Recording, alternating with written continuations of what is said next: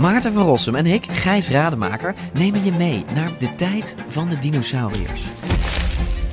Ja, jij vindt het gemene beesten Het gewoon eigenlijk. gemene beesten. Ja, Kijk, kijk naar ze. Beesten zijn niet gemeen.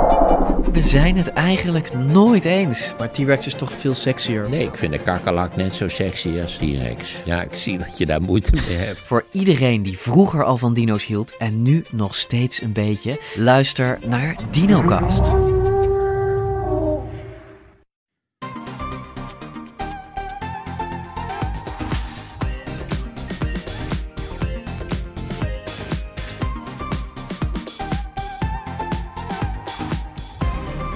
Welkom bij de Bright Podcast van woensdag 5 april over de trending topics in tech van deze week. Mijn naam is Floris en ik zit hier met Erwin. Hey. En vanuit Winsum belt Rutger in. Hallo. En eh, zeggen we Rutger, dan zeggen we auto's. De afgelopen maanden heeft Rutger weer veel eh, elektrische auto's eh, gehad onder zijn billen. Dus er is veel autonieuws te bespreken ook. Verder in het technieuws. Een Nederlandse gadget om je schermtijd mee te temmen. Geen gratis AI-plaatjes meer en ook geen deelstepjes in Parijs. We gaan beginnen. Ja, Rutger, het is weer een tijdje geleden dat we hier voor het laatst eh, spraken over auto's. Laten we bij je meest recente video beginnen, want die deed nogal wat stof opwaaien. Eh, je bent eh laaiend, ja, je bent en blijft eigenlijk laaiend enthousiast over de Tesla Model Y. Heb je aandelen of zo? Ja, klopt. Hey, Ja. Rutger. Nee, was het maar zo. Oh, Ja. het is een beetje net als met Bitcoin. Dat ik denk van, eh, Had oh ik ja, als ik op dat moment dat ik enthousiast was ingestapt was, dan Ja. had ik veel meer geld gehad. Maar goed, nee, ik, eh, kijk, die eh, Tesla maakt gewoon bijzondere elektrische auto's. Daar is iedereen het wel over eens. Eh, maar die Model S en die X, die zijn natuurlijk duur en die zijn groot. Nou, toen kwamen ze met die 3, die was betaalbaarder. Nog niet steeds super goedkoop, maar betaalbaarder. Maar die is dan achterin weer een beetje krap. Daar kun je eigenlijk niet echt lekker met vier volwassenen in zitten. En dat is een sedan. Dus je kunt, weet je, je hebt zo'n klepje, kun je geen hond in doen. En eh, recent zijn die, die 3 en die i in prijs gezakt. En die i die is een stukje ruimer dan die Model 3. Die heeft eigenlijk alle problemen opgelost die je bij die auto zou kunnen hebben. Die zit achterin gewoon ook lekker. Ja, en dan komt het gewoon allemaal wel lekker bij elkaar in die auto. Dat is echt een, eh, een hele fijne elektrische auto met rijden. Maar we zijn het inmiddels ook een beetje gewend. Eh, maar ook hier betichten sommige kijkers jou van, eh, van fanboy gedrag. Is dat terecht? Ja, nou ja, ik zat even over na te denken van wat, wat is dan eigenlijk een fanboy? Een fanboy heeft volgens mij als je geen kritiek hebt op een maker van een product. Dus als je datgene wat ze maakt per definitie leuk vindt, of er nou iets mis mee is of niet. Nou, voor mij ben ik, heb ik aardig kritiek op ehm, wat Tesla niet zo handig doet. In die video ook over de rijhulpsystemen. Dat die echt eh, super, super vervelend kunnen zijn. Ehm, maar ja, die kun je uitzetten. En eh, de meeste autofabrikanten doen dat niet zo heel erg eh, super. Tesla misschien ietsje minder dan anderen of ietsje vervelender dan anderen. Maar ehm, het totale package per euro is gewoon het, het, eh, het beste wat je op dit moment elektrisch kan kopen, wat mij betreft.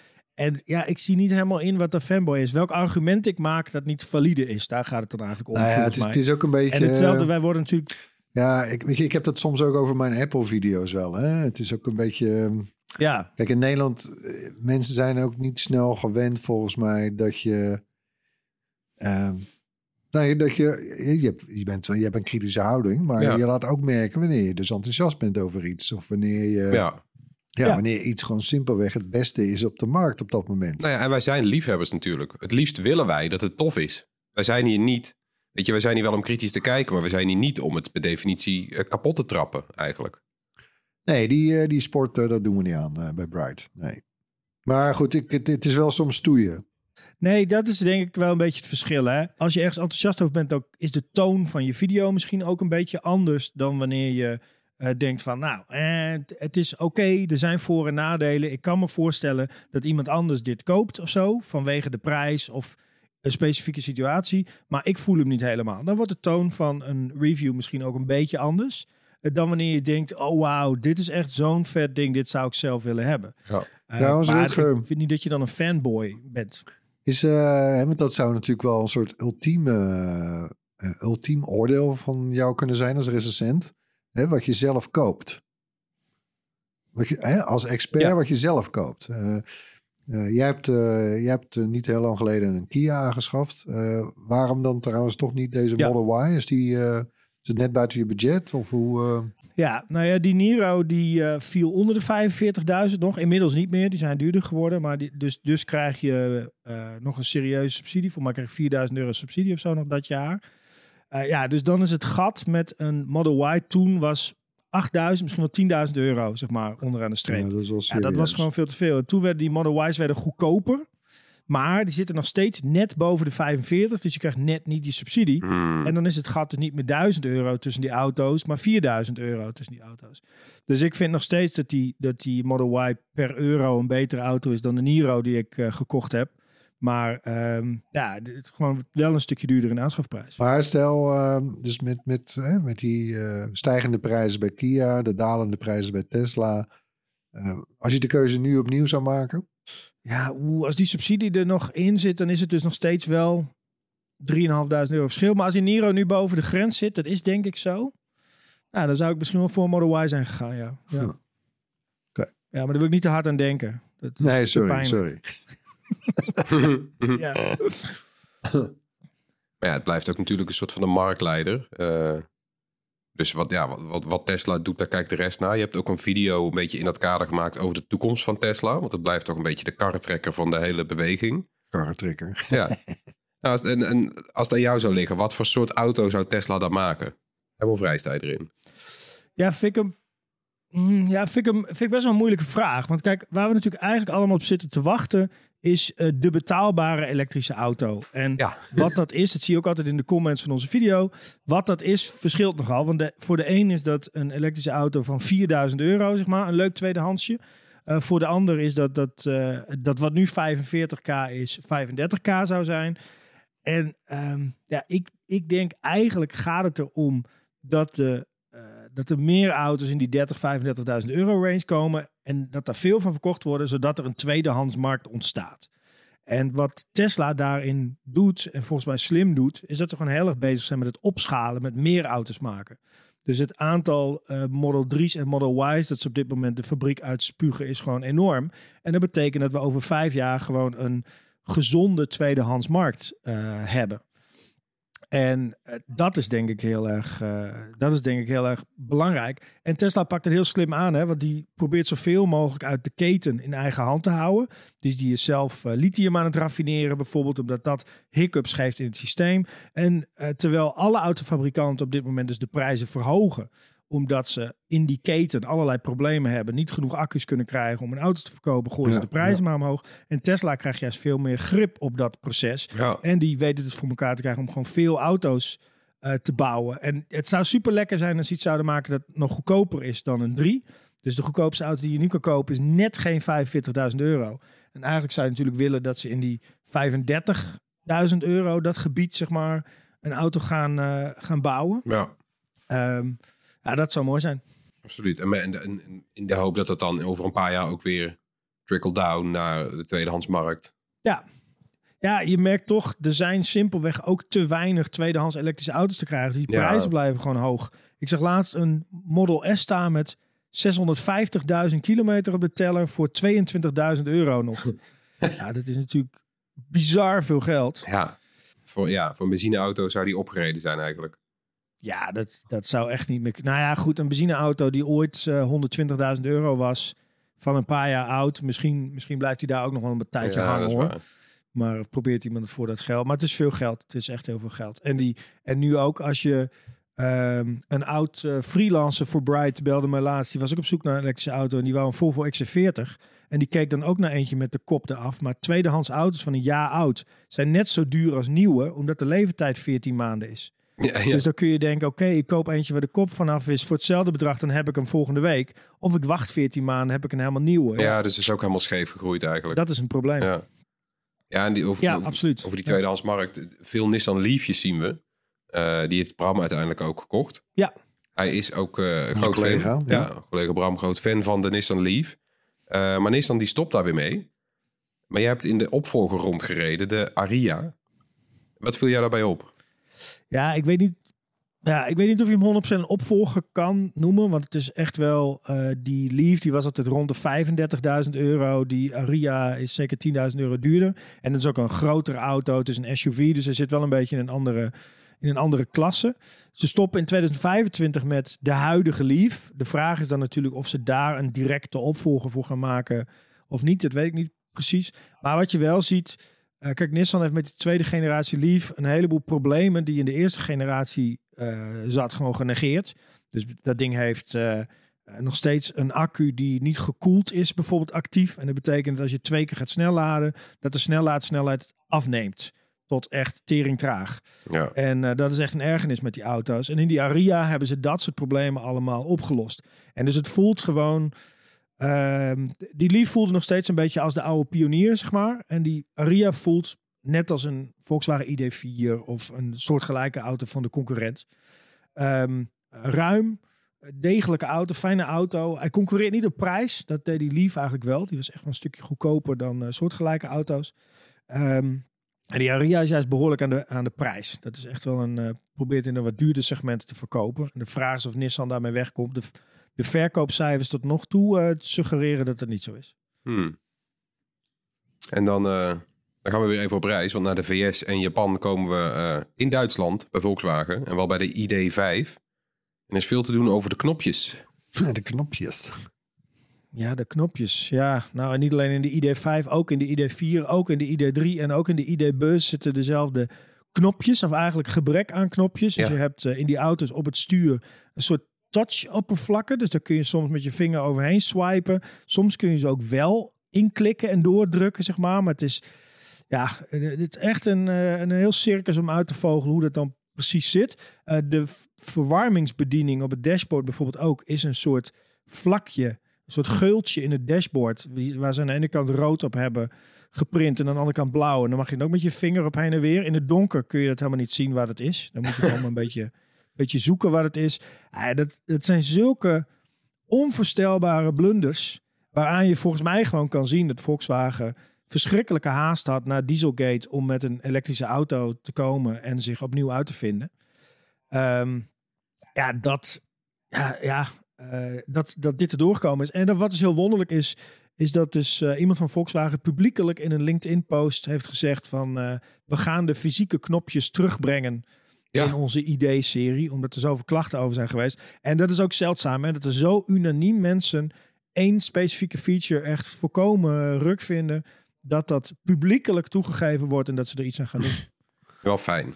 Maar er, er gloort nog hoop, eh Rutger, Ja. toch? Bij Volkswagen. Ja, zeker. Ja, ja nou ja, ik, eh, kijk, er zijn merken die hebben helemaal de boot gemist. Hè. Zoals Toyota, die heeft dan eh, ergens vorig jaar hebben ze aangekondigd, we gaan 25 nieuwe elektrische auto's bouwen, we hebben een nieuwe strategie. En zes maanden later zijn ze, oh vergeet die 25 nieuwe auto's, we gaan er nog een keer over nadenken. En eh, we gaan het toch heel anders doen. En we weten nog niet precies hoe. Nou, daar moet je echt wel zorgen over gaan maken. Zo'n Toyota heeft nu één elektrische auto die eigenlijk veel te duur is voor wat je ervoor krijgt. In Europa in ieder geval. Ehm, en Volkswagen die heeft ook de prijzen van de ID3 nu naar beneden geschroefd. Die zit nu onder de 40.000 euro. En als je nu even kijkt op eh, Volkswagen.nl, dan staan er bijna 500 auto's op voorraad. eh, die je zo morgen mee kan nemen. Die zich dus gewoon aan de straatstenen niet kwijtraken. Terwijl je voor een Volvo XC40 14 maanden moet, moet wachten. Dus de vraag is wel even, zeg maar, eh, of Volkswagen dit niet heel veel marktaandeel gaat kosten deze periode. En daarom hebben ze dus die eh, ID2 of de ID2 All hebben ze aangekondigd. Een conceptcar die een beetje polo-model zijn met weer hele heftige beloftes. Dat die onder de 25.000 euro zou gaan kosten. Nou, dat is bijna niet voor te stellen als je kijkt wat andere elektrische auto's kosten. Dus zelfs de Chinezen lukt dat niet. Je kunt een, eh, een MG kopen voor eh, rond de 30, zeg maar. Die is dan ietsje groter dan deze. Ja, ik vind het heel moeilijk voor te stellen dat Volkswagen voor onder de 25.000 euro succesvol zo'n auto op de markt kan zetten binnen twee jaar. Maar de belangrijkste vraag, ehm, zitten er fysieke knopjes in? Nee, nee, Ook er komen geen. Of nee, ja, sorry, er komen wel fysieke knopjes. Oh, nee, er komen wel fysieke knopjes. Er zijn geen tou- touch oppervlaktes Oh, meer. Nee, het is wel gek, want de, de ID3 is ge- gerefreshed voor dit modeljaar. Maar die heeft nog steeds de touchknopjes. Dus blijkbaar konden ze niet snel genoeg eh, daar iets aan doen. Maar eh, deze auto in 2025, die krijgt weer de fysieke knoppen. Wat raar. Ja, en hij ziet er ook eigenlijk een stuk behoudener, bekender uit eigenlijk. Ouderwetser zou je bijna zeggen dan, dan die hele andere ID-serie. Ja, dat is, is ook heel gek. Ja, de, mm, die ID-serie heeft een beetje een soort van eh, Mexicaans worst, worstelmasker voorkant. Weet je wat? Heel erg gesloten. Er loopt er Ja. zo'n streepje overheen met dat logo heel groot in het midden.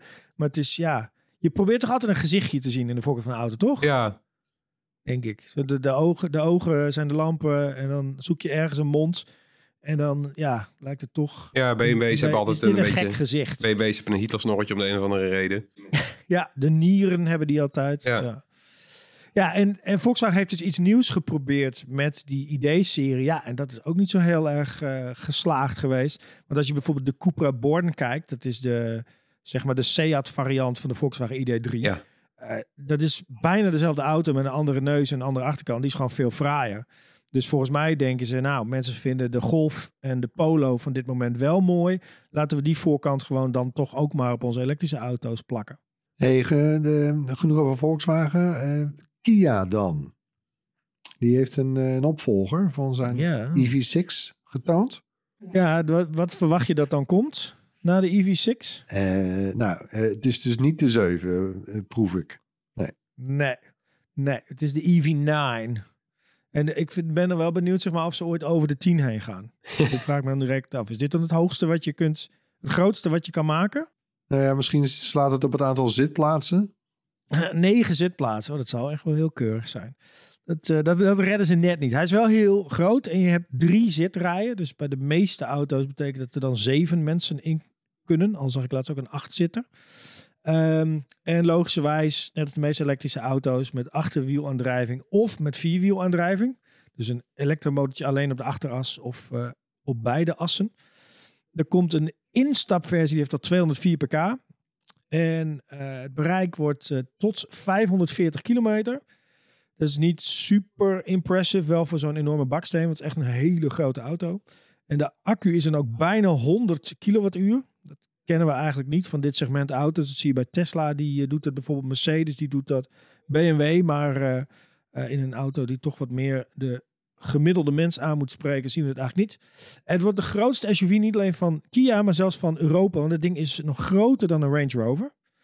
Zo. We weten alleen nog niet hoeveel die gaat kosten. Daar ben ik wel heel benieuwd naar. Maar ik, laten we even een, eh, een polletje doen nu. Wat, wat denk jij, Erwin? Een EV6 kost zeg maar, begint bij eh, rond de 50.000 euro. Ja. Nou ja, wat, wat, kost een, eh, wat kost een Model X? Model X kost een, eh, meer dan een ton. Meer dan een ton. Nou, dan, ik denk dat Kia er, daar- daar wel onder wil gaan zitten. Ja, Nou, vijf- Ja, dat denk ik 85 ook, ja. misschien, 90? Ja, geen idee eigenlijk. 85, oké, oké. Ik denk een poeltje vanaf prijs van 72.000 gok. ik. ja ik zat te denken. 72. 80, Zo. ik zeg 72. Wat Floris, jij? jij zat er nog onder? Nee, ik dacht 75, ik zat rond de 75 te denken. Ik dacht 75 is mooi rond. Als je dan net een kwartje goed, boven, je, boven je EV6 gaat zitten. Maar ik moet Oh, zeggen, ja. ik vind hem wel mooi. Want ik hou wel van hele vierkante auto's. Ja, ik vind het ook best wel een fraai model. De vraag is wel altijd met dat soort auto's, als je hem dan in het echt ziet, zeg maar, op soort van in, in de schaal in verhouding tot normale huizen, wegen, verkeersborden, dat soort dingen, hoe die er dan uitziet. Dat is vaak moeilijk eh, te voorspellen, vind ik, als Ja. je alleen de plaatjes hebt. eh. Die plaatjes hebben ze dan weer. Het zijn mooie foto's. eh, En natuurlijk in de, op, op een bergwegje. En tussen hele mooie bru- brutalistische gebouwen. Ja, dan, dan is die wel mooi. Ja, en met de allergrootste rims eronder en Ja. zo. In, in Ja. de chicste uitvoering. Dat is altijd Dus zo ja, zonde. Hè? Dan zie je ze in het echt. En dan, dan zie je ze met van die kleine plastic wieldoppen. Ja, dat, dat slaat toch een beetje plat Ja. dan. Ik had dat altijd een beetje bij, eh, of heb dat Ja, altijd een beetje met die Tesla Model X. Dat ik denk van, ja, dat, dat klopt iets niet of zo, toch? toch? Het is gewoon Nee, weird. nee, ik heb ook altijd het gevoel alsof het een model, een Model S is waar ze een compressor op hebben gezet. En dat die zo, Ja, zo groter geworden is. En heel vaak zie je ze dan ook nog met zo'n eh, met zo'n mat wrap eromheen. Dan is het helemaal, dan glimt hij niet eens. En dan snap ik, het, dan lijkt het net zo'n doffe ballon of zo, ja. Ja, ja, er rijdt hier ook in het dorp rond eentje met van die, eh, van die bars aan de zijkant onder de deuren. Alsof het een soort SUV, alsof Oh. het echt een offroader is. Alsof je een opstapje nodig balk aan hebt. de zijkant. Ja, ja, precies. Ja. Nou, en, maar ook een onderwerp waar we jou bijna elke keer over spreken, eh, is range anxiety. ken het inmiddels wel. De, de, de vrees over het bereik van je elektrische auto. Dat wordt steeds minder, hebben wij het idee. Eh, en er zijn nu ook weer nieuwe Europese afspraken. Er moet langs belangrijke snelwegen in onze, in onze Unie elke 60 kilometer een laadpaal komen. Is dat een, een mooi voornemen? Ja, onze Unie. Vind ik heel mooi. Ja, onze? Unie. Ja, daar moet ik ook even aan wennen. Ja, Dat is onze Unie. Het- de het is Europese Unie. Is Als je het zo onze zegt, Unie. voelt Lekker. het inderdaad toch opeens Ik heel voel me anders. Europeaan ja hoor. leuk hè? Ja. Kunnen we dat niet elke week in de podcast ergens stoppen? Trouwens, gewoon onze Ja. Unie. Onze Unie. ja, onze Ik- Unie. misschien is het wel een hele mooie naam voor een mooi. podcast trouwens. Ja, anyway, sorry. Rutger, je was bezig. Eh. Vind Elke ik voor iets 60 van de kilometer. taalunie, Wat denk jij? Unie. Maar goed, ja. Nou, volgens mij heb je dat in Nederland al. En misschien heb je het in Duitsland ook al wel bijna. Want ik, ik reed met de Megane van Groningen naar Frankfurt. En dan sloeg ik ook... Nou, ik denk dat er twee tankstations waren die geen snelladers hadden staan. En de rest allemaal wel. Dus ja, kijk, ehm, voor mij is dat een hartstikke goed idee. En volgens mij regelt de markt dit ook wel. Ja, Ehm, wa- want er staat natuurlijk de meest belangrijke snelwegen, die worden wel bediend. De vraag is een beetje, komen er ook nog steeds van die gekke eh, zwarte gaten? Wat hebben wij nou? Eh, tussen Hengelo, Hengelo, Hogeveen en Hummelo of zo heb ik ooit uitgerekend. Er was een soort zwarte vlek in Nederland waar geen enkele vastnetpaal stond. ja. Ehm, en zo hebben we nog wel wat van die plekjes waar dan weinig snelwegen zijn, zeg maar, en waar je dan wel opeens 80 kilometer zou moeten kunnen rijden om naar een, eh, naar een snellader te komen of een hele rare omweg moeten nemen. Dus ja, ik, voor mij is dit een heel goed idee, vooral voor landen waar die laadinfrastructuur gewoon nog niet zo heel erg eh, op, opgeschoten is. Ja, precies. En eh, over vakanties gesproken dan. Want dan gaan we op vakantie over die snelwegen. Eh, maar dan blijft er voor veel elektrische auto's toch wel een, een opgave om een caravan te trekken. Maar daar is nou ook iets op bedacht. De Amerikaanse start-up Lightship die heeft een zo'n enorme Amerikaanse caravan gemaakt. Met een eigen elektrische aandrijving en accu's aan boord. En die kan je dan dus zonder verlies van actieradius eh, eh, met de caravan op vakantie. Is dat de toekomst? ik hoop het niet. Ja, weet je wat het is? Eh, moet je even voorstellen dat we dus zeg maar eh, te weinig resources hebben om, om of we het, niet voor elkaar krijgen om snel genoeg accu's te bouwen om elektrische auto's voor iedereen te krijgen. Ja. Maar dan gaat een of andere rijke stink het wel naast zijn dikke elektrische auto die hij wel gekregen heeft, ook nog een caravan kopen waar ook een dikke accu in zit en zeggen: Hey YOLO, ik heb geen problemen. Jammer dat jullie geen tweedehands elektrische auto's kunnen krijgen, zeg. Het is, weet je, soort van technisch gezien, als je er puur technisch naar kijkt, zou je kunnen zeggen: Nou, weet je, dat zou best wel aardig zijn. Je hebt zo'n caravan, die zet je naast je huis, die gebruik je ook als thuisaccu. Dus dan kun je meer eh, energie uit je zonnepanelen gebruiken. Dus technisch gezien is het best wel een aardige oplossing. Ah, ja, het klinkt toch vooral als een soort rijke luisspeeltje waarmee je gewoon eh, twee accu's uit een betaalbare elektrische auto haalt. Maar ja, zo kennen we die Amerikanen. hè. Sowieso zijn al die elektrische auto's uit Amerika drie keer, drie keer groter dan onze. Ja, met ook van die ja, belachelijke accu, en die, eh, eh, accu-packs. Eh, ja, Ja. 200 kilowattuur, waarom niet? ja. Want alsof- anders kunnen we de ding geen 4000 kilo maken. En Nee. dat willen we natuurlijk wel. Ja, de, de Hummer, de, de, de, de Ford F-150, de, de Rivian. Ja, Van die obese eh EV's. ja dat zijn allemaal gigantische Ja. auto's. Ja, vliegende bakstenen. hè. Ja, zeker. Hele st- stille vliegende baksteen. En eh, maar ja, dan doen wij dat op zich eh, in Europa gestroomlijnder en geraffineerder. Maar niet per se toekomstbestendig, want eh, zonneauto's, kom ik dan op. Het Duitse Sion die kreeg zijn eh, financiering niet rond. En het Nederlandse Lightyear dat eh, ging over de kop en maakt nu een doorstart. Maar wel een paar krassen en deuken hebben ze opgelopen. Zijn, zijn, zijn die plannen wat jou betreft eigenlijk wel haalbaar? Zonneauto's. Ja. Ja, het is grappig, omdat het klinkt dan... Ja, ja het stom is, het klinkt dan alsof zonneauto's... omdat die twee bedrijven toevallig eh, onderuit zijn gegaan... dat het ligt aan het feit dat het zonneauto's zijn. Ik denk eigenlijk niet dat dat zo is. Want het is niet dat die zonnepanelen die auto's nou heel veel duurder maakten... of, of heel veel interessanter voor de koper. Die Sion die was vooral interessant omdat hij gewoon een eh, relatief betaalbare elektrische auto bood... Zeg maar, met een paar hele handige features van een Europese fabrikant.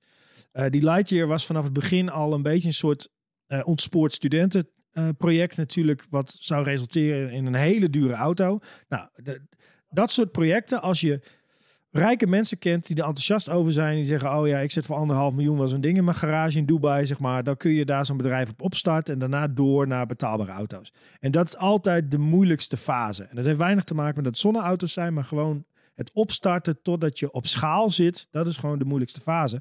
En dat is hun allebei niet gelukt. En ik denk, eh, als je kijkt naar eh, zowel de mensen die Sono aan het eh, draaien waren, als de mensen die Lightyear deden, dat waren ook mensen die daar niet zoveel ervaring mee hebben. Terwijl dat het moeilijkste gedeelte is van het hele traject om het Ja. geld binnen te harken en te zorgen dat je ze dat je op grote schaal kan maken. Ja. En ik denk dat we die, kijk, eh Lightyear die gaat in principe ook proberen en Sono ook trouwens om hun zonnepanelen te verkopen aan bijvoorbeeld fabrikanten van bussen. Ja. Ehm, en ik denk dat we dat steeds meer gaan zien. Als je efficiënte zonnepanelen hebt waarmee je de airco van een bus kan draaien, zodat hij zijn accu niet leegtrekt als hij stilstaat, eh, top. Ja, precies. Eh, daar, dat, is een, dat is een prima verdienmodel. En dat is ook niet zo moeilijk om dat eh, te doen, omdat je dat niet op enorme schaal hoeft te doen. dus de schaal moet gewoon anders. Ja, je moet dat stukje overleven. Nou, Misschien nog even terug, want ehm, met, Tes- met Tesla heb je dat natuurlijk ook gehad. Hè? Dat ze op een gegeven moment in production hell kwamen, Ja. zoals Musk dat toen noemde.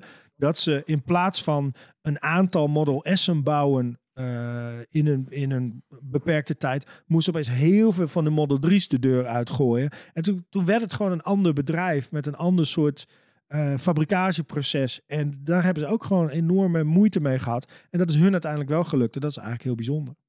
Zij de Tesla fanboy. Naar welke auto kijk je uit? Hè? Want we zijn weer bijgepraat. Eh, wat staat er hoog op je verlanglijstje? Ja, ik.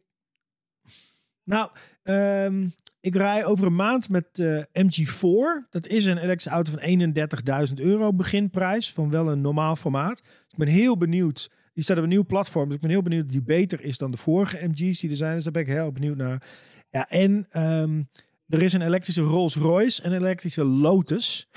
En die zitten er ook aan te komen. Daar ben ik ook wel heel erg benieuwd naar wat dat voor zo'n soort marktsegment, waar we die elektrische auto's eigenlijk nog niet gezien hebben, wat dat gaat betekenen. Leuk. Leuk, ja. Ja, en over droomauto's gesproken eh, hebben we ook met Bram gebeld. Want die, eh, die heeft eindelijk kunnen rijden in een klein autootje waar die al vijf jaar eh, nou ja, op het letten is. De Microlino, een, eh, een mini-autootje voor twee personen. Eh, we gaan er even met Bram over praten. Hey Floris, hallo. Ah, ja, zonder de video hier volledig te herkauwen, over welke kleine auto hebben we het? Nou, het gaat over de Microlino. En ehm, ja, dit is echt een auto die ik eh, vijf jaar geleden voor het eerst eh, tegenkwam. Toen heb ik erover geschreven op onze site. En ja, sindsdien... Ja, Eh, je komt wel vaker van dat soort autootjes tegen, hè, die, dan, die dan volgend jaar op de markt komen, wordt dan altijd gezegd. Maar dan weet je al als je het schrijft van ja, de kans dat het daadwerkelijk ook ik er ooit in ga rijden is wel heel erg klein. En bij de Microlino dacht ik dat ook wel. Ik kreeg wel af en toe een beetje een nieuwsberichtje hier, een nieuwsberichtje daar de afgelopen jaren. Maar nu is hij er toch gewoon echt. En is hij gewoon echt te kopen. eh, nog niet in Nederland, maar wel in, eh, in, in België. Dus ik ben naar Brussel toe gegaan. En eh, daarbij de ja, een grote Belgische dealer, die ja, een soort van PON, PON alleen al van België, zeg maar, Dietere heette zij. Dus ze nemen het echt heel Oh, ja. serieus op. Hebben een kleine showroom met eh, allemaal kleine micro-auto's. eh, en allemaal van deze Oh, wat leuk. Microlino. ja, het is echt, het is echt het is geen kleine was- dealer die dit doet, maar gewoon een grote jongen heeft er vertrouwen in. het, is, het hobbyproject is het echt voorbij. Het is echt, ze zijn echt nu klaar om te gaan verkopen. En ja, ze verwachten ook zo'n 300 tot 500 mini-autootjes te verkopen dit jaar van Microlino. Dus dat is best veel. Ja, dan ga je ze echt in? België echt wel tegenkomen. Dus eh, ik was helemaal gelukkig Ja. dat, ik er, dat ik erin mocht gaan rijden. Ik vind het wel zo'n leuk ding, want het zijn van die dingen die zie je dan op beurzen staan. En dan ga je er met een foto en dan denk je, dat komt nooit in het echt op de markt. Nee, dat klopt. Kijk, een prototype maken, eh, nou, een beetje gechargeerd gezegd, kan iedereen wel. Weet je, er zijn zoveel mooie prototypes die uiteindelijk niet op de markt komen. Eh, maar dat is ook wel een interessant verhaal, want Microlino is van Micro. Micro kennen we van de stepjes. Hè. Ze hebben echt miljoenen stepjes verkocht. Ja. Ze waren ook zeg maar, de eerste die... Nou, zij hebben eigenlijk het ontwerp bedacht van hoe, we- waar wij aan moeten denken als we aan een step denken. Eh, elk, elk kind op reed, eh, 20, 30 jaar geleden. Die stepjes die zijn allemaal, eh ja, dat heeft, Micro heeft het groot gemaakt. En nu dus ook elektrische stepjes en de kinderstepjes met twee Oh, die wij zeg maar als kind ook de hadden, die, eh, ja, ja, alle stepjes. Die, van zeg die maar, vouwstepjes met, die- met, nou, met van die stunt, precies, en die, stunt, die stuntstepjes waar, je, waar je op de halfpipe mee kon. Ja, dat is Micro die dat, Ja. die dat bijna in zijn eentje groot gemaakt heeft. Eh, en, eh, eh, en met al dat geld wat die Zwitsers verdiend hebben, lukt het hen dus om deze, dit, deze hele, dit hele, dit hele, de hele fabriek helemaal op te starten van deze auto. Dus allemaal met eigen geld gedaan. Het is wel knap, Dus hè? een- ja, het is ongelooflijk. Zonder, zonder externe investeerders. En dat is misschien dus ook wel het geheim nu dat ze dus die miljoenen en miljoenen die er nodig zijn geweest om deze auto op de weg te krijgen, dus ja, zelf hebben kunnen ophoesten en, en, en daarom bestaat het Knap, nu. hè? Ja, Zonder crowdfunding ook of niks. Ja, nee, hij niks. is er ineens. Ja, klopt. Maar goed, je hebt er nou in gereden. Wat kan je met zo'n klein autootje?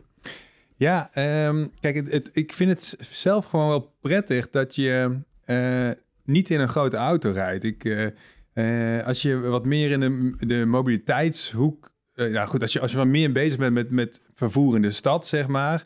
Ik, ik kan gewoon tegenwoordig echt wel boos worden van elke Porsche Cayenne die gewoon zoveel ruimte inneemt. We hebben, gewoon zo, we hebben zo weinig ruimte met elkaar in de stad. En ik vind, het- ik vind het gewoon echt asociaal. Als, ik, vind, ik hou sowieso niet van mensen die te veel ruimte innemen. Maar in zo'n auto is het gewoon heel letterlijk. Je, sommigen nemen gewoon echt heel veel ruimte mee. Dus ik vind het dus zelf heel prettig eh, om in een microauto te rijden. Want je, je neemt gewoon minder ruimte in beslag. En minder ruimte betekent ook gewoon eh, eh, dat er meer auto's tegelijkertijd op de weg kunnen. Dat je meer ruimte overlaat voor fietsen en bakfietsen en scooters.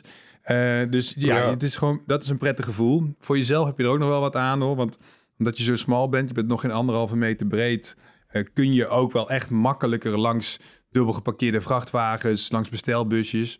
Kijk, je bent echt duidelijk geen scooter, hè? dus je bent, je, je- het is niet zo.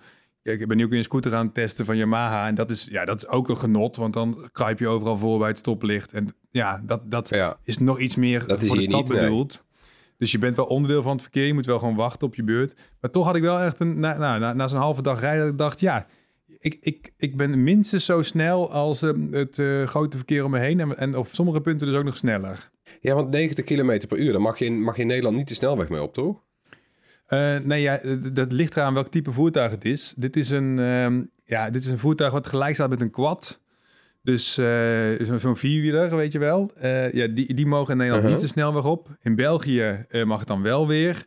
Ik heb ook in een, ehm, eh, in een, in een Carver ooit gereden die 85 kon. Maar dat was dan weer getypeerd als een motor. Dus die mocht dan wel weer de snelweg op. Eh, maar nee, in Nederland mag het niet. En je wil het ook niet hoor met dit ding. Want oké, Nee. kan 90. Ik heb denk, denk ik wel de 70, 80 aangetikt in, in, in Brussel waar het kon. Maar dat, dan maakt hij zoveel Ja. herrie al. En dan, dan voel je je zo ongemakkelijk dat je, dat, dat je wel blij bent dat je wat minder hard kan. Eh, het is echt een 50 slash 60 kilometer eh, autootje zou ik zeggen per uur. Hoe, hoe, snel, hoe snel laad je zoiets eigenlijk dan weer op? Dat, dat is wel rap, denk ik, toch? Met 6 Ja, drie tot kilowattuur. vier uur. En het kan gewoon aan, de, aan, je, aan, aan, je, normale st- stopcontact. Dus eh, ja, je kunt natuurlijk niet de accu uitnemen. Dus je moet wel een parkeerplaats hebben met stopcontact. Maar dat, dat heeft iedereen. eh, Ja. Als je een parkeerplaats hebt, dan heb je dat wel. Dus ja, dat is wel te doen. Dus je kunt, als je naar je werk... Als je, nou ja, ik, echt als je 30, ki- 35 kilometer moet rijden... wat ik moet eh, naar mijn werk toe... Dan, eh, zou het, ja, dan zou ik dat prima met dit autootje kunnen doen. En dan eh, heb ik echt een heerlijk vervoer eh, elke dag. Over de binnenwegen. Ja. enige waar ik me een beetje voor over maak, Ja, kijk, het autootje weegt 500 kilo. Het is echt lichtgewicht. Er zit natuurlijk wel een stalen cage constructie omheen. Dus je, je, het is niet of je echt een, een, een schietschijf voelt. Maar ja, als er een, Mhm. als je met, met een, een wedstrijdje doet met een Range Rover, als je ongeluk krijgt, dan ben je natuurlijk wel echt weg. Dat, dat voel je wel aan alles. Dus Ja, het is een beetje hetzelfde als met een Twingo of met een andere goedkopere, eh, ja, zo'n budget eh, Volkswagen Up of zo. Ja, er zit gewoon minder body omheen. Dus de kreukelzone is ook wel, wel klein. Sterker nog, je zit met je tenen zit je gewoon zo'n zo- soort van in de, in de voorkant van de auto. Dus eh, ja, eh, eh, Ja, ik ja, kan, je voelt je niet super veilig eh, tussen het grote verkeer met dit auto. ja lijkt mij deze heel auto. leuk voor, voor in, in, eh, in Italië of zo. Voor een van die, van, die, van die stadjes waar je met een normale auto niet door een steegje durft. Dan kan je hier gewoon overal komen. Ja, nee, dat is echt. eh, de- Kijk, de plaatjes zijn ook echt fantastisch die je hier maakt. En eh, je moet, ja, je, ja. En, en, en wat ik nog bijna vergeten te zeggen, hij is echt heel erg ruim. Dus, dus, dus voor een mini-auto is hij echt behoorlijk groot. Je kunt achterin kunnen drie kratten bier staan. Dus en dan nog echt nog zo'n flinke shopper nog eh, erbovenop. Misschien nog wel twee. Eh, en eh, ja, dus je kunt echt, als je inkopen gaat doen voor je verjaardagsfeest, dan kun je prima gewoon met deze auto naar de supermarkt. Dus dat kan gewoon, ja. Ja, ja het is voor mij wel echt een droomauto, Ja, dan moet ik zeggen. Ja, nee, ja, maar een droomauto is die te betalen. Eh, nee, daar blijven dromen, hè? nee, inderdaad. Het is... ja, eh, eh, kijk, als je een beetje moeite doet... dan kun je voor jezelf nog een beetje rijk rekenen, zeg maar. Door te zeggen, het is, het is een eigen elektrische auto. Maar hij kost vanaf 18.000 euro. En dan heb je de kleinste accu, Ja. 91 kilometer bereik.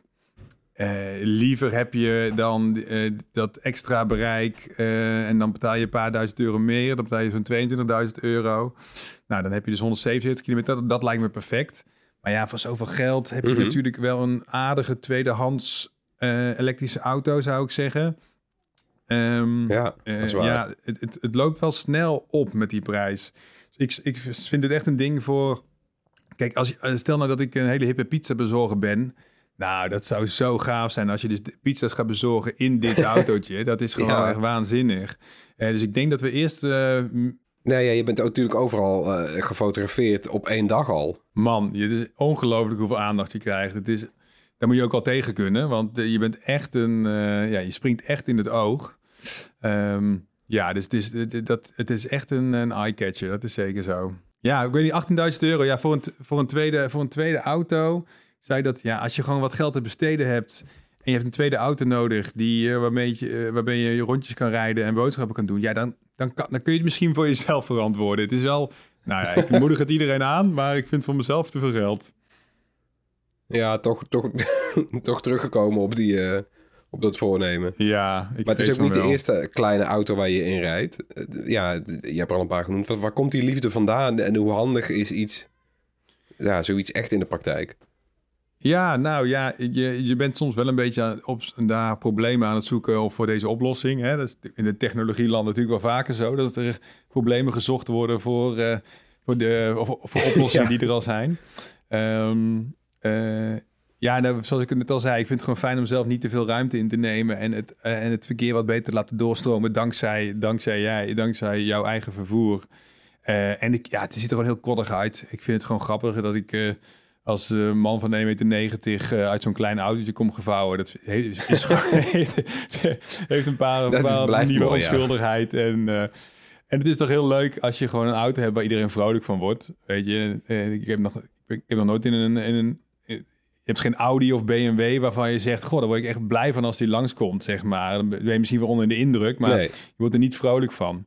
En dat vind ik wel, eh, dat Nee, vind ik zo, je punt. zo gaaf aan die kleine auto's. Ze brengen echt een, echt een nieuw gezicht en een nieuwe kleuren aan de stad. En ja, handig is het niet. Nou ja, handig is het soms. Eh, zolang je natuurlijk in en om de stad moet zijn. En parkeren is wel lekker. Eh, Zou je een toekomst kunnen voorstellen waarin we zeggen van... oké, in en om de stad mogen alleen nog zulke soort autootjes rijden? Ja, ja, kijk, het is, eh, je, eh, je- als je echt gewoon naar eh, de vierkante meter die, een, die voertuigen in mogen nemen kijkt per persoon, zeg maar. Ja, het is natuurlijk bizar dat, wij ons, dat, wij, dat wij aan het huilen zijn om, om Van Moos die te hard gaan of om fatbikes die te dikke banden hebben. Dat is natuurlijk in, in, de, in het grotere plaatje Ja, gaat het natuurlijk helemaal nergens om. Ik was ook in Brussel, eh, dan zie je al die deelstepjes zwerven over de grond. Dat is verschrikkelijk. Maar toen dacht ik daarna, maar ja, maar als je nou nog beter kijkt, dan zie je al die auto's daar geparkeerd staan. En hoeveel vierkante meter wij aan die auto eh, eh, eh, doneren, zeg maar, met z'n allen. Ik bedoel, ik heb er zelf ook een hoor. Ik maak er met veel plezier gebruik van. De hele maatschappij is ingericht op die, op die grote vier- of vijfzits auto. Ehm, maar ja, dit is gewoon, dit is gewoon te, te veel. Het is gewoon te vol. En dus ja, dan, dan krijg je zeker dit soort autootjes. Kijk, die Opel Rocks E, die heeft natuurlijk zoiets magisch gedaan. Eh, Zo'n mini-auto voor, acht, wat is het, 8.500 euro. Dat is echt heel voordelig.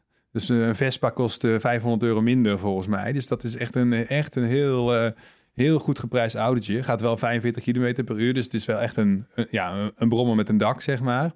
Maar ook die rijdt heel lekker. Ja, ik, eh, ja, die zou ik echt, eh, als ik nu een tweede auto nodig zou hebben, zou ik, zou ik daar gewoon eh, zou ik blind, blind durven kopen, zeg maar. Dat is echt zo'n goede deal.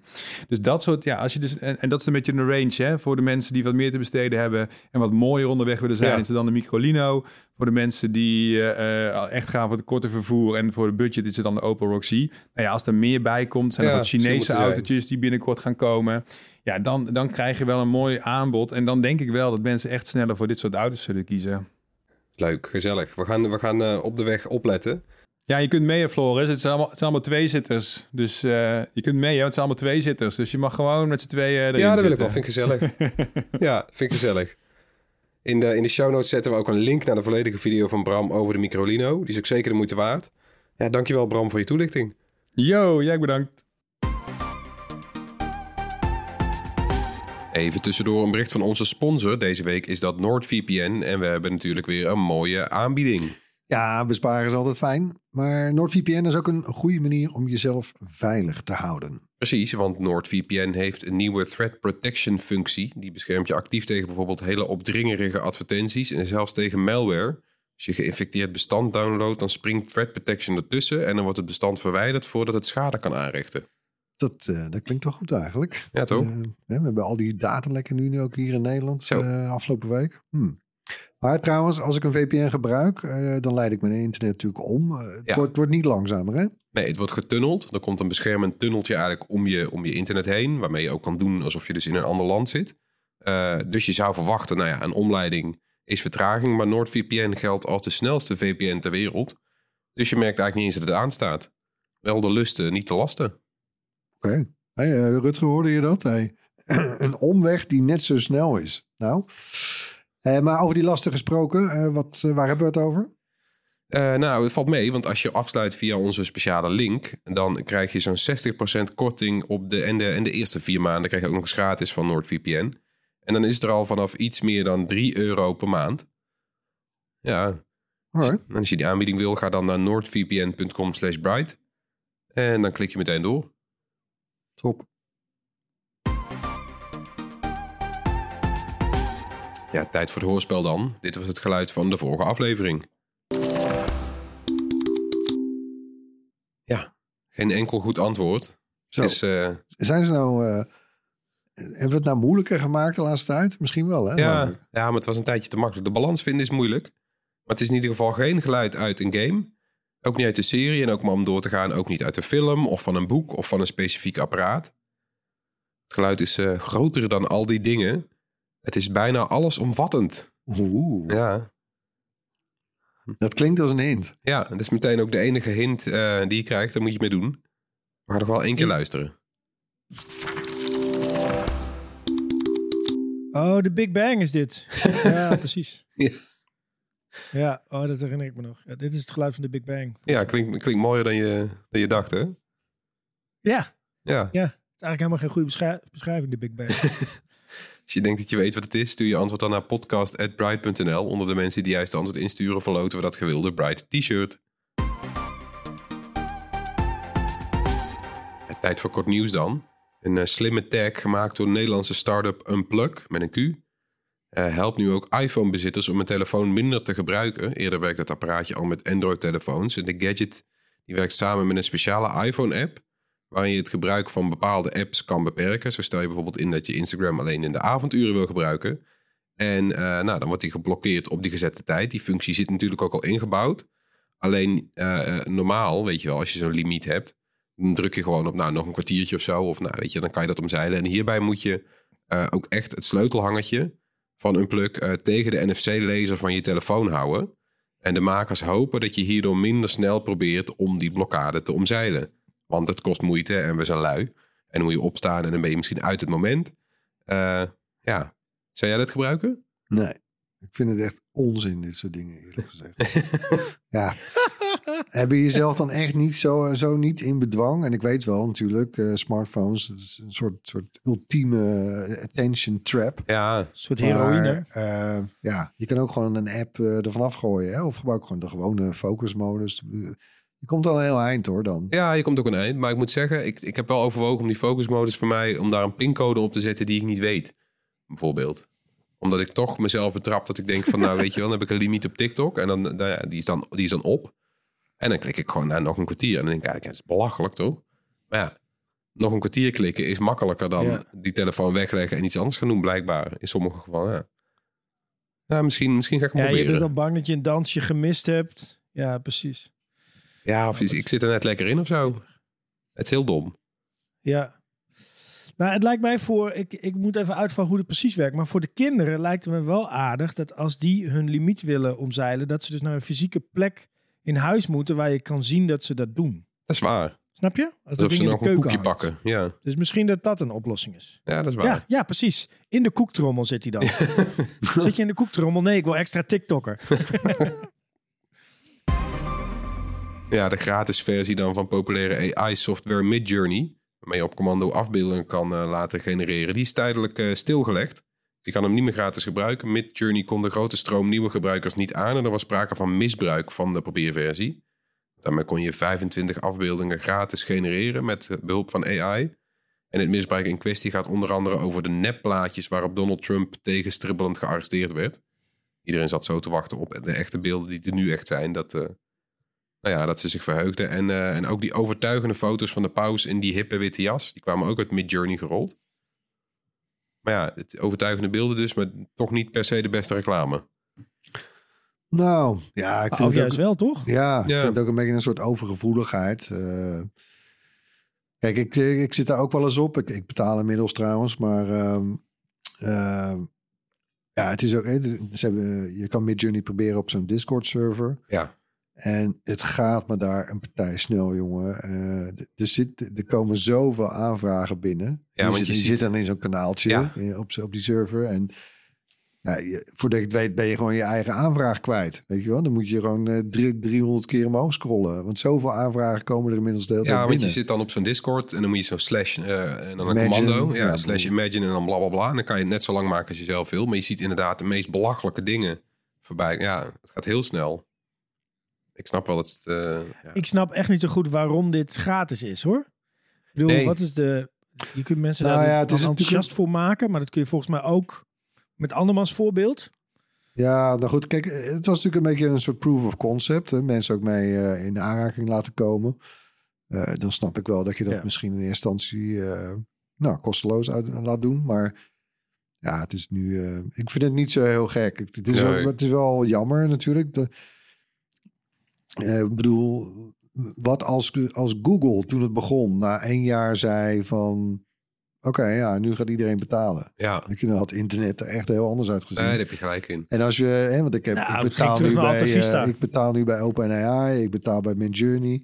Eh dat is ook allemaal voor een video die eh, eind van de week online komt trouwens. Maar eh, ja, eh, hallo, dat gaat wel in de papieren lopen. Hè? Maar als dit zeg maar de nieuwe, Ja, soort, eigenlijk een soort van de nieuwe Googles ook zijn, qua, qua impact, hè? Ook, ook het niveau van de tool die je eigenlijk eh, gebruikt.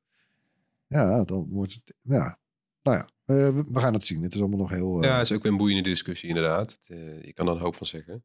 Zijn wij inderdaad als mensheid empowered als het geld gaat kosten? Want dan, dan zijn er toch weer verschillen. Google eh Nou, wordt het iedereen... ook gelijk een elite tooltje natuurlijk. Precies, Google is er voor iedereen. Eh, ja, als dit na, na drie maanden eigenlijk alleen al voor de elite is, ja, daar valt een hoop over te vinden. En dan elektrische stepjes. Inwoners van Parijs hebben zich in een bindend referendum in grote meerderheid uitgesproken voor een verbod op elektrische huursteps. Bijna 90% van de stemmen was voor een verbod. De verkiezing heeft geen invloed op stepjes die in particulier bezit zijn. Er zijn er vorig jaar in Frankrijk eh 700.000 van verkocht. En de deelsteps die zijn in Parijs een populair alternatief voor de auto, metro of de fiets. En er zijn er ongeveer 15.000 te huur via appjes in Parijs. En na een chaotische introductie in 2018 heeft het stadsbestuur van de Franse hoofdstad de regels voor de steps geleidelijk steeds iets strenger gemaakt. Door speciale parkeerzones en een maximumsnelheid. Dat mocht allemaal niet baten. De mensen hadden er gewoon last van.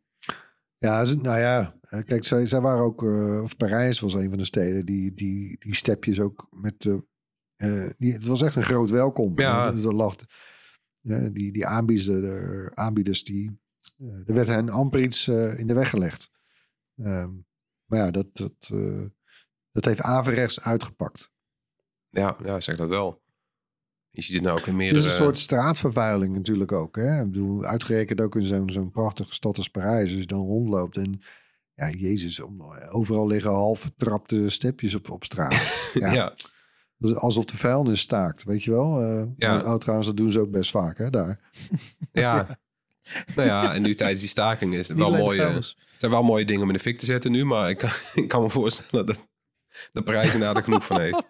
Nou ja, en ze hadden natuurlijk een heel prima fietsdeelsysteem. En het voordeel van die, van die fietsen is dat je ze om het af te sluiten weer in zo'n zo'n ding vast moet zetten. Want anders loopt de teller door. Ja, Dat was eigenlijk een hele mooie oplossing. En je denkt van ja, ik weet niet of een stepje dan per se heel veel beter is dan een fiets. Ik denk in ieder geval dat het gevaarlijker is dan een fiets om op een stepje te rijden met die kleine wieltjes. Ehm, en dat de, de soort van, ja, het, het, de plek in het verkeer is ingewikkelder, dat soort dingen. Dus Ik denk eigenlijk eh, van waarom moeten die stepjes naast die deelfietsen bestaan? Nee, ik ook niet. Ik ben team fiets. Team fiets. Hey. En tot slot, onze wekelijkse tips. Beginnen we natuurlijk met onze gast Rutger. Ja, ik weet, hebben jullie de podcast Let's Make a Sci-Fi al eh, geluisterd? Nee. Kennen jullie die? Het zijn drie comedians. Oh, dit gaat Erwin ook echt eh, van genieten. Het zijn drie comedians die eh, allemaal wel iets hebben met science fiction. Maar daar niks mee doen. En die besluiten dus dat ze een script gaan maken voor een science fiction film. En ze beginnen dus ergens wat ze denken dat het belangrijkste is. Dat blijkt daarna helemaal niet het belangrijkste te zijn. En dan bellen ze met Neil deGrasse Tyson om te checken of hun science wel klopt. En ze hebben allemaal grote namen die ze kunnen bellen om uiteindelijk tot een goed script te komen. Dan komen ze echt tot een leuk eh, script. En er is nu een tweede seizoen van. En dat is Let's Make a Rom-Com. En de rom-com gaat heten My, boy, My Boyfriend's Ex is Selma Hayek. Eh, dat wordt het eh, plot, zeg maar. Eh, en ontzettend leuk, want je zit gewoon bij hun creatieve proces. Dus ze pitchen allemaal ideeën aan elkaar en eh, reageren daarop. Er zitten natuurlijk ook hele domme dingen tussen die echt niet kunnen werken. Maar dan bellen ze iemand die ooit met Salma Hayek heeft gewerkt... om te kijken of zij er misschien wel in voor is. Ontzettend leuk. En het eindigt dan ook met dat ze het script daadwerkelijk... een kort stuk daarvan voorlezen aan jou als publiek... zodat je kan voelen hoe het geworden is. Echt een aanrader. Let's make a sci-fi. Maar wordt dat dan ook wat? Gaan ze dat, is het eerste seizoen, dat leidt dan tot een script, maar gaan ze dat ook filmen? Ik weet, dat weet ik niet. Het is denk ik ook een beetje te kort dag. Maar ik dacht wel, eigenlijk is het een hele leuke manier om tot een film te komen. Ja. Omdat je al fans hebt voordat het ook maar opgenomen is. Precies. Ik ben nu heel benieuwd. Als het gemaakt zou worden, zou ik daar zeker heen gaan. Dus ik dacht, het is inderdaad ook wel een hele leuke methode om een film te pitchen aan een publiek. Dat moeten ze eigenlijk in Nederland doen. Nou, zullen we dat doen? Floris, jij en ik? Ja, ik, ik weet niet of ik nu tijd heb, maar het, is- het blijft wel een leuk idee. Cool. Wat is eh, jouw tip, Erwin?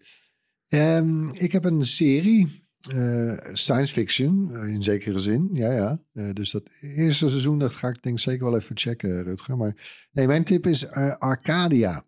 Ehm, eindelijk eens een keer een Nederlandse serie die ik tip. Hij is te zien op NPO 3 en NPO Start van KRO, NCRV en ook... Het is een, een Nederlands-Vlaamse eh, co-productie. Ja. Eh, Fictie-serie dus, ja. Ehm, om een samenleving in de nabije toekomst. eh, waarin het lot van burgers bepaald wordt door hun persoonlijke burgerscore. Ja, ja. Dus ja, als je een lage score hebt, nou, dan ben je echt een sjaak. Hè? Dan, zit je, Ja. dan, moet je, dan mag je niet mee met de bus. En je, je, krijgt, je krijgt wel naar huis toegewezen, maar dat is dan echt een, een soort half krotje. En eh, Ja, Ja. en als het te erg wordt, dan gooien ze je over de muur, toch? ja, dan eh, word je buiten geplaatst. Eh, dan word je echt gedeporteerd. Ja, Eh, en daar land. gebeuren ook allemaal dingen. De serie is een paar weken bezig nu. Ik heb volgens mij aflevering drie net gezien. Ja. En ik wil dat ook even aankijken. hè. Zo van, nou, is dat nou... ja. Want kijk, het is duidelijk, het is geen... eh, eh, wat heb je hier zoal uh, de Handmaid's Tale een beetje. Dat, Ja, dat- precies. Ook zoiets dystopisch en zo. Dat zit er wel een beetje in. Eh, Ja. ja, maar voor, en dan eh, de, de Handmaid's Tale, dat heeft best wel een hoge eh, productielevel. Maar dat, ik vind Arcadia echt niet slecht. Nee, Eh, er zit veel aandacht ook in, eh, eh, tot aan de auto's aan toe. En, en, het is eh, mooi productie. Ja, mooi production design. Ze hebben mooie locaties. Ja, Heel desolaat allemaal. ik zit ook heel te kijken. Denk, hè, waar, waar zou dat nou zijn? ja? Radio Kootwijk Ja, bijvoorbeeld. die, dat dacht ik ook te herkennen. Die herken je, maar dan hebben ze daar een hele grote Ja. muur bij ge-. Ja, ik vind het eh, niet slecht. En, Het ziet er- ja, ze hebben ook een budget, las ik, van een miljoen per aflevering.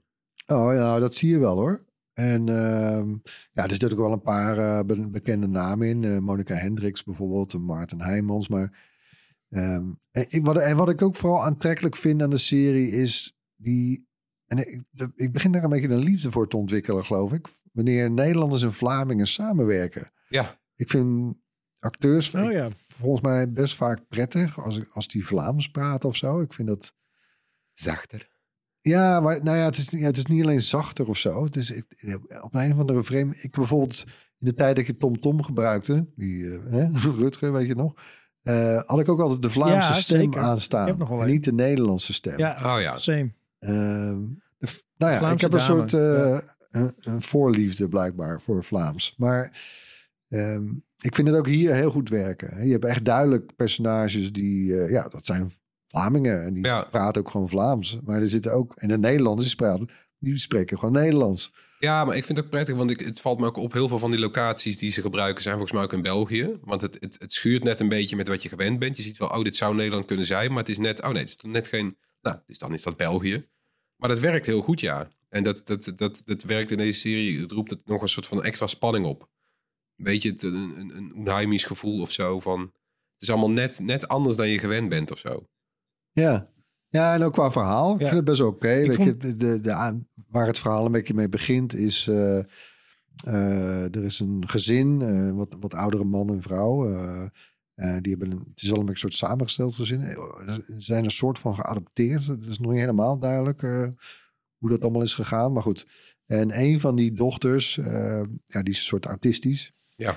Maar dat, dat weet, die man heeft het algoritme weten te kraken. Waardoor haar score altijd hoog bleef. Ongeacht wat ze deed of uitspookte.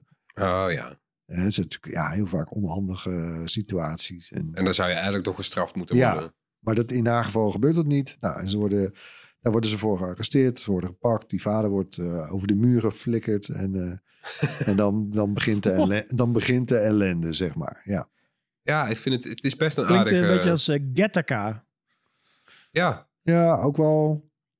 Ja, en wat ik ook wel vet vind is dat... eh, Ja, dat zit er ook een beetje in. Ja, met die, met die eh, klopt. Ja, en eh, alle, nou ja, het is heel erg brutalistisch. Al die gebouwen zijn heel erg, weet je wel, kaal en, en guur en, en hard. En maar ook Ja. zelfs de computers en de apparatuur en zo. Dat vind ik wel vet. Dat is niet, ze hebben niet gewoon zeg maar. Een niet stel- 4K, zeg maar. Nee, ze hebben geen MacBooks neergezet of wat dan Nee. ook. Het is niet, maar het is sowieso geen tijdsbeeld. Monochroom bijna. hè? Ja, Het, is, het zijn ander soort, het zijn computers die nooit hebben bestaan.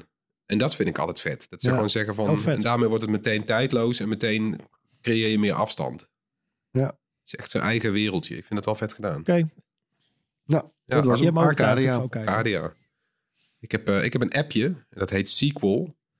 En het is de, de versie 2.0 van Sequel. Dus eigenlijk de sequel van Sequel. Ja, ja. Nee, het is een, eh, een media tracker, weet je wel. Zo'n lijstje eh, waar je dingen op zet die mensen opnoemen. Zoals de films en de series en zo die wij opnoemen. En dan beloof je, die schrijf ik op. Nou, dat kan in Sequel. Eh, heel makkelijk. Het is gratis te gebruiken. En dan kan je bijhouden wat je allemaal nog wil eh, spelen, lezen, eh, luisteren of kijken. Dat, dat, nou ja, die, die categorieën zijn er. De zoekfunctie die is uitgebreid. Dan kan je iets intikken en dan is het er. Dan kan je het op je lijstje zetten. En je kan het ook weer een rating geven als je het gezien hebt. En op je, op je, op je, in je logboek schuiven.